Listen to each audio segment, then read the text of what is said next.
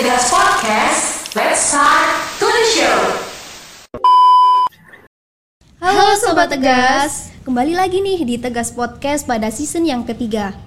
Sebelumnya, kenalin terlebih dahulu. Nama aku Siti Nur Ami, aku dari bidang eksternal Tegas Universitas Brawijaya 2023. Di sini aku nggak sendirian nih, pastinya aku ditemani sama rekan aku yaitu Amanda. Halo Amanda. Halo Mi. Halo teman-teman, kenalin aku Amanda Putri Prastya, bidang penyuluhan UKM Tegas Universitas Brawijaya 2023. Wah, udah lama nih kita nggak menyapa pendengar di rumah. Kira-kira gimana nih kabar pendengar di rumah? Baik dong, baik dong tentunya. Dan pastinya aku ini semangat banget buat dengerin materi podcast pada hari ini. Dan tentunya kita di sini mau bahas apa sih kira-kira Amanda? Jadi pada episode kita kali ini kita akan membawakan tema podcast Menjalin Harmoni Membentuk Pribadi Anti Narkoba Remaja Masa Kini yang berhubungan dengan hari yang kita peringatin hari ini. Kira-kira apa sih kita memperingati hari apa kita hari ini? Pada kali ini kita akan memperingati Hari Anti Narkotika Internasional, di mana pada setiap tahunnya kita memperingati hari ini, yaitu tepat pada tanggal 26 Juni. Nah, bener banget. Jadi, Hari Anti Narkotika Internasional ini digunakan untuk mengedukasi masyarakat mengenai bahayanya narkoba. Ngomong-ngomong, kita cuma berdua aja nih, Mi. Tentunya enggak dong. Pada podcast kali ini kita akan ditemani oleh seseorang yang luar biasa. Kira-kira siapa nih teman-teman? Beliau merupakan juara satu Duta Anti Narkoba Kota Malang 2023. Wah, keren banget nih. Iya dong, pastinya keren. Langsung saja nih kita panggil. Halo Kak Malik Ibrahim. Halo, halo semua. Halo Kak. Halo. Gimana nih Kak kabarnya? Alhamdulillah baik. Baik, sehat. Alhamdulillah. Kira-kira kakak sekali ini sedang lagi sibuk apa sih? Kalau ditanya soal kesibukan pasti uh, setiap orang pasti punya kesibukan masing-masing. Tapi kalau berbeda dengan aku ya, soalnya memang aku baru lulus baru lulus dari SMA tahun 2023 ini, jadi uh, kesibukannya pasti selain membantu orang tua juga aktif dalam kegiatan organisasi. Contohnya ya di Duda Anti Narkoba ini seperti itu. Oke, nah ngomongin duta anti narkoba, kira-kira apa sih kak motivasi kakak dulu sebelum daftar menjadi duta anti narkoba seperti itu kak? Pastinya kalau ditanya motivasi mengikuti pemilihan duta anti narkoba pasti ingin menjadi seorang pribadi yang bisa membantu lah, membantu e, masyarakat ataupun membantu badan-badan anti narkoba untuk uh, menanggulangi bahaya narkoba yang ada terutama di era masa depan ataupun masa kini di tengah era globalisasi, modernisasi dan juga digitalisasi. Karena memang kan saya juga seorang pemuda dan hidup di tengah-tengah para pemuda itu sendiri. Oke, uh, kalau dari motivasi yang sudah kakak sampaikan tadi kan berhubungan terkait dengan uh, apa sih itu penyalahgunaan narkoba. Nah, kalau dari pandangan kakak sendiri nih, kira-kira apa sih narkoba secara general itu? Narkoba secara general. Pasti kalau misalkan orang-orang ditanya ya begitupun juga dengan saya mungkin banyak orang juga di luar sana kalau ditanya apa sih nar narkoba itu? Pasti mereka jawabnya oh obat-obatan terlarang oh narkotika oh psikotropika. Pasti jawabannya seperti itu. Kalau ditanya seperti itu pasti uh, secara istilah ataupun secara umumnya lah narkoba itu obat-obatan terlarang yang mana singkatan uh, narkoba sendiri kepanjangan dari narkotika psikotropika dan juga bahan adiktif seperti itu. Uh, kalau itu kan pengertian dari narkoba. Kalau jenis-jenisnya kira-kira apa aja, Kalau jenis-jenisnya umumnya yang uh, uh, umum lah orang-orang tahu seperti ganja, kemudian sabu-sabu, morfin, uh, tanaman kokain, koka ataupun apa namanya juga itu kodein gitu. Ya kak, kalau boleh tahu kan misalkan ya penonton di rumah mungkin pasti ada yang belum tahu gitu. Uh, kalau mengenai bahaya narkoba tuh kan bah narkoba tuh dengar-dengar bisa digunain buat medis juga gitu. Kira-kira okay. itu bahayanya apa gitu loh kak? Narkoba sendiri kan memiliki apa namanya itu golongan. Memiliki golongan. Mulai dari golongan satu golongan dua dan juga golongan tiga. Yang golongan satu adalah di mana narkoba tersebut tidak boleh digunakan untuk hal apa pun dan hanya boleh diketahui untuk ilmu pengetahuan aja. Contohnya seperti eh, ganja. Kemudian di golongan dua ada eh, narkoba yang boleh digunakan untuk penelitian dan juga pengetahuan dan sedikit yang digunakan untuk pengobatan seperti itu. Contohnya eh, morfin. Kemudian yang golongan ketiga yaitu narkoba yang mungkin banyak yang digunakan sebagai obat, banyak yang digunakan sebagai obat. Contohnya itu kodein, seperti itu. Namun berbicara tentang bahaya dari narkoba itu sendiri, terutama kalau misalkan digunakan untuk pengobatan, pasti ada lah ya. Semua apa pun yang ada di dunia ini pasti ada efeknya, seperti itu. Pasti ada efeknya. Karena memang e, narkoba itu kan memang diartikan sebagai obat-obatan terlarang, meskipun digunakan tetap aja narkoba itu suatu yang terlarang. Jadi kalau mungkin pandangan dari aku ya, pandangan dari aku, semisal orang itu sakit, diusahakan cari obat selain narkoba, seperti itu. Apa pun e, penyakitnya, kalau misalkan kan sekarang kan juga narkoba juga masih bisa digunakan sebagai bahan pengobatan kan. Tapi kalau pandanganku e, narkoba bagaimanapun apa pun bentuknya, jangan sampai ada yang digunakan sebagai obat seperti itu. Misal aku dulu kamu dulu. Misalkan nih ya kak, kalau kan kata kakak tadi kan kalau bisa tidak usah digunakan gitu. Misalkan nih kalau ada darurat lah darurat si pasien ini tuh eh, penyakitnya itu tidak bisa kayak kecelakaan lah misalnya. Lah dia itu butuh rasa buat eh, penghenti rasa gitu loh atau buat bius. Lah itu menurut kakak gimana? Eh, pastinya kalau misalkan semua kan kalau darurat ya tidak apa-apa. Kalau darurat emang tidak apa. Tapi kembali lagi penggunaannya juga harus eh, ditata gitu. Penggunaannya harus ditata, ditata. Mungkin dari dosisnya ataupun eh, jumlah yang harus digunakan. Jadi itu harus diketahui seperti itu. Jadi berusaha diminimalisir lah penggunaannya gitu. Tidak apa-apa digunakan tapi seminimal mungkin Oke, berarti kalau boleh aku sorot sebenarnya bahaya atau tidaknya narkoba itu tergantung penggunaan kita ya kak Betul, ya. betul, betul, Dan tergantung. pastinya juga harus ada yang mengawasi ya harus kan. ada pengawasan Oke, selanjutnya eh, mulai di- kita sudah membahas mengenai apa itu narkoba, jenis-jenis apa dan dampaknya itu apa. Eh, sesuai sama aku sama Amanda tadi bahas waktu awal, podcast kita kali ini kan akan digunakan sebagai pemeringatan buat Hari Anti Narkotika Internasional. Nah, kalau menurut kakak sendiri, eh, Hani itu seperti apa gitu pandangannya? Eh, HANI atau Hari Anti Narkotika Internasional merupakan hari peringatan penentangan kita terhadap narkoba atau narkotika yang ada di seluruh dunia. Tepat pada tanggal 26 Juni.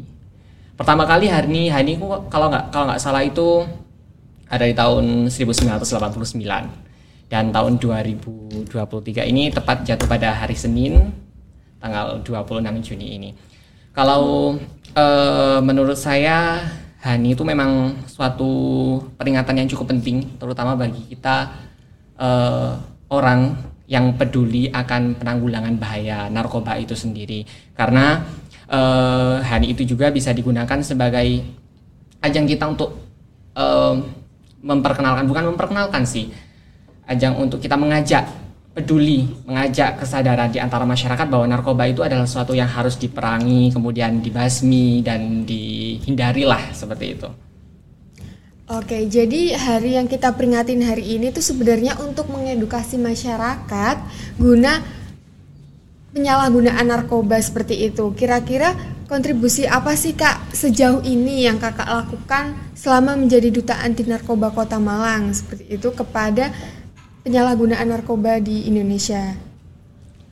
Oke, kalau di membicarakan tentang kontribusi pasti eh, setiap orang kontribusinya masing-masing lah ya, memiliki kontribusi masing-masing.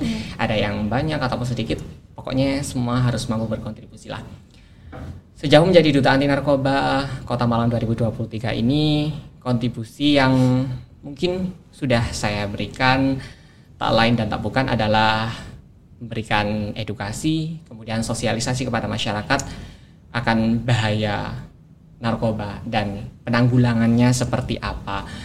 Namun eh, yang perlu saya sampaikan di sini adalah eh, kontribusi ataupun hal yang hal positif yang bisa kita lakukan untuk penanggulangan bahaya narkoba sebenarnya itu banyak. Tak perlu menjadi seorang duta anti narkoba, tak perlu menjadi seorang anggota organisasi anti narkoba ataupun apa pun itulah. Yang penting kita memiliki kesadaran. Kesadaran dan kepedulian itulah yang penting di antara kita untuk uh, menanggulangi bahaya narkoba itu sendiri. Mungkin kan bisa kita lakukan dengan hal-hal yang sederhana ataupun hal-hal yang simpel lah dalam kehidupan. Kita punya media sosial, kemudian kita punya relasi pertemanan lah. Hmm. Di antara itu mereka kita uh, menumbuhkan kesadaran. Mungkin kalau misalkan kita aktif bermedia sosial, kita posting story, oh narkoba itu uh, seperti ini bentuknya dihindari, kemudian dibasminya seperti apa, kemudian dampak-dampaknya itu seperti apa gitu. Itu hal yang istilahnya kecil tapi manfaatnya besar gitu. Jadi uh, tidak perlu menjadi seorang duta anti narkoba atau apa pun itu pokoknya yang penting kita punya kesadaran dan kepedulian. Karena itu yang sangat penting di dalam diri kita masing-masing seperti itu.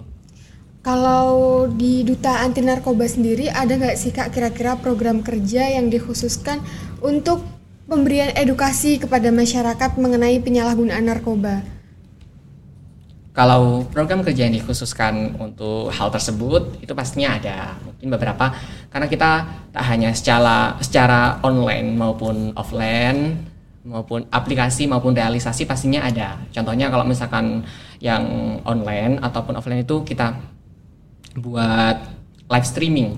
Live streaming Instagram dengan duta-duta dari daerah lainnya. Kemudian kalau secara online kita mengadakan sosialisasi ataupun webinar ke tempat-tempat yang memang butuh edukasi tersebut, edukasi tentang narkoba. Contohnya mungkin dalam beberapa waktu kemarin di Duta Narkoba sudah sempat uh, mengadakan sosialisasi uh, bersama Ducil atau Duta Cilik Anti Narkoba itu oh, sendiri yeah.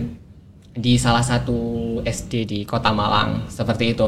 Karena memang uh, edukasi tersebut penting disampaikan bagi mereka-mereka yang masih di usia dini seperti itu penting banget bagi mereka-mereka yang masih anak-anak karena mungkin mungkin mereka belum uh, mengerti lah secara secara keseluruhan tapi mereka perlu mengerti secara garis besarnya aja bahwa narkoba itu memang sangat berbahaya gitu. Iya.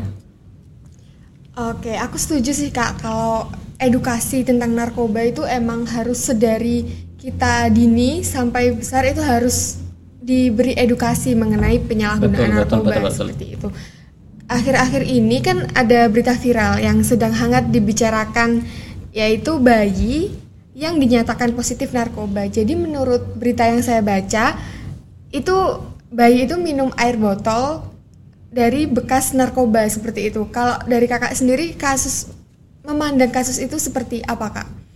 Oke, mungkin ini kalau misalkan bicarain masalah kasus seperti inilah ya, itu mungkin agak panjang ya, agak panjang yeah. kalau misalkan kasus seperti yeah, ini. Boleh kalau yang uh, sempat saya sempat saya dengar juga yeah. yang kak sampaikan tadi kalau ada seorang bayi yang positif narkoba positif narkoba akibat minum dari bekas botol narkoba, narkoba itu ya. oke okay. mungkin saya cukup prihatin banget prihatin banget mungkin bayi yang baru lahir istilahnya belum tahu apa-apa tentang dunia kalau misalkan uh, kita pahami kayak belum dapat dosa gitu kan yeah. belum dapat dosa kok tiba-tiba udah uh, positif narkoba udah badannya badannya yang istilahnya masih kecil lah itu udah kemasukan sama zat-zat yang berbahaya itu narkoba itu sendiri kan. Itu mungkin uh, hal yang faktor-faktor yang menyebabkan itu pasti banyak sekali. Tidak mungkin kan serta merta bayi itu minum dari bekas botol yang ada narkobanya itu kan tidak mungkin pasti ada faktor-faktornya. Mungkin uh, pertama pasti dari orang tuanya. Tidak mungkin Betul. dong kan anak itu tumbuh sendiri kan tidak mungkin.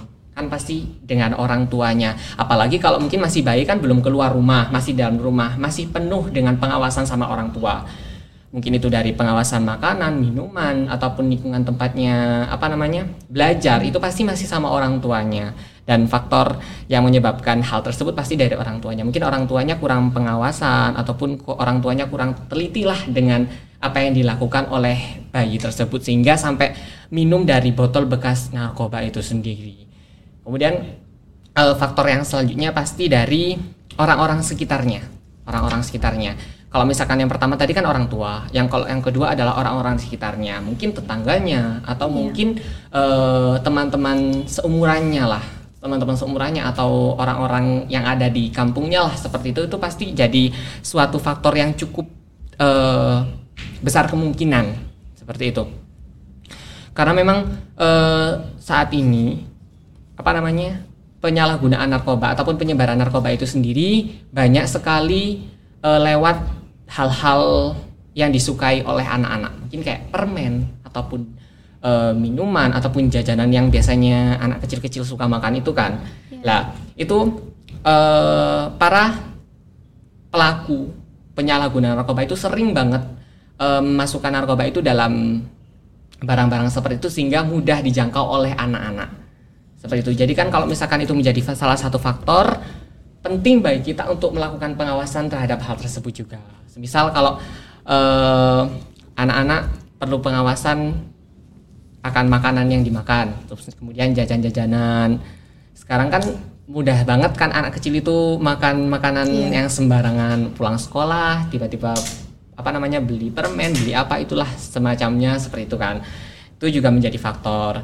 Kemudian faktor yang terakhir itu kalau mungkin ba- bayi ya, kalau mungkin ma- masih bayi masih belum punya pemikiran.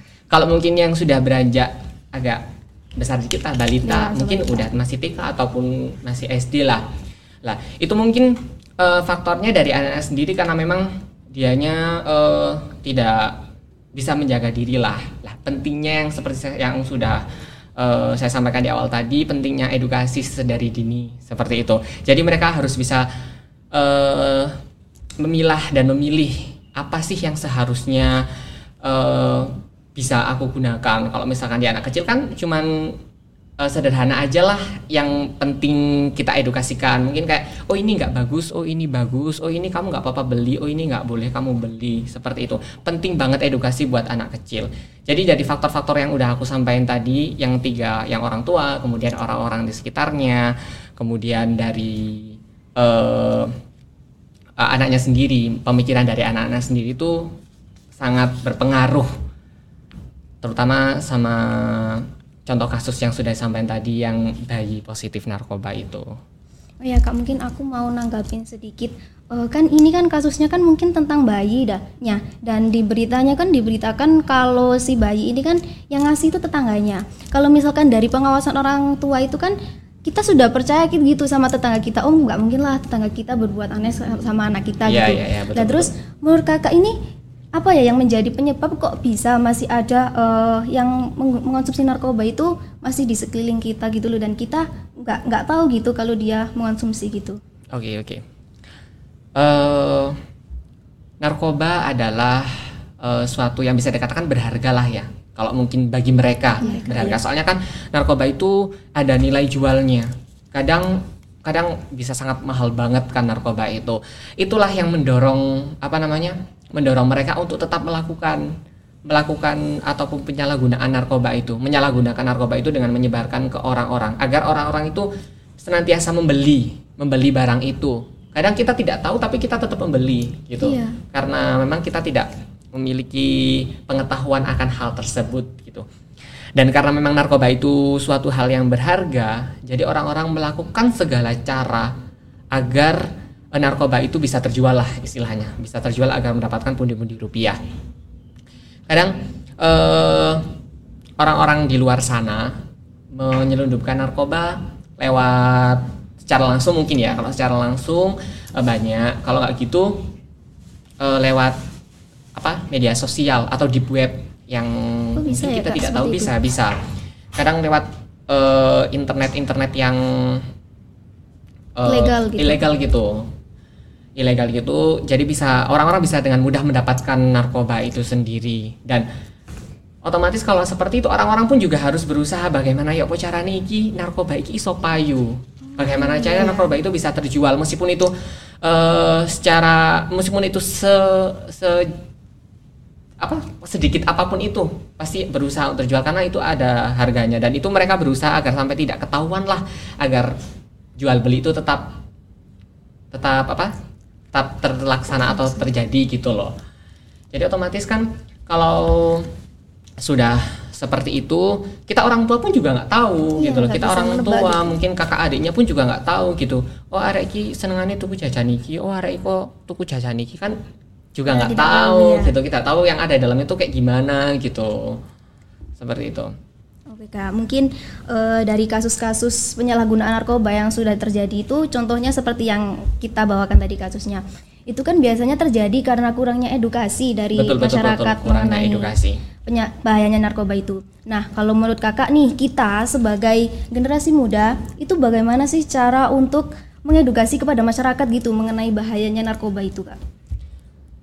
Oke, kita sebagai seorang generasi muda mengedukasi masyarakat seperti yang udah tak sampaikan sedikit di awal tadi yang udah tak singgung. Kalau misalkan kita punya media sosial, kita punya relasi pertemanan, kita punya lingkungan yang bisa kita manfaatkan lah, bisa kita manfaatkan.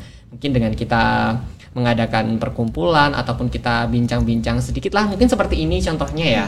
Eh, kita bincang-bincang eh, kalau oh gini lo narkoba, gini lo perkembangan narkoba sekarang, bagaimana sih cara kita untuk menanggulangi bahayanya, penyebarannya, kemudian eh apa pun itulah, yang penting pokoknya tentang narkoba itu sebenarnya mudah kita berikan edukasi kepada masyarakat itu mudah. Contoh contoh kecilnya, misal kita bisa mengupload eh, story ataupun tentang eh, bahaya narkoba di Instagram ataupun di YouTube ataupun di WhatsApp, istilahnya itu eh, sedikit banyak pasti orang akan mengetahui, sedikit banyak pasti orang akan membaca. Oh ini tah narkoba itu, oh seperti ini tah narkoba. Lalu ketika kesadaran itu tumbuh di antara mereka, pasti mereka memiliki pemikiran yang sama seperti kita. Mungkin kayak, Oh, yes. oh narkoba itu suatu hal yang harus eh, dibasmi, diperangi.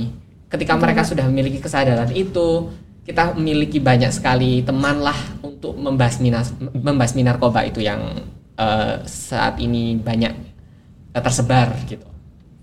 Oke, jadi seperti itu teman-teman. Menurut apa yang sudah dibicarakan Kak Malik tadi, mungkin kita sebagai generasi muda nantinya mulailah dengan hal kecil gitu. Meskipun itu cuma kita mengajak nongkrong teman-teman kita hal yang positif lah itu sebagai salah satu bentuk dengan Betul betul. kita mengurangi apa itu penyalahgunaan narkoba itu seperti itu. Oke.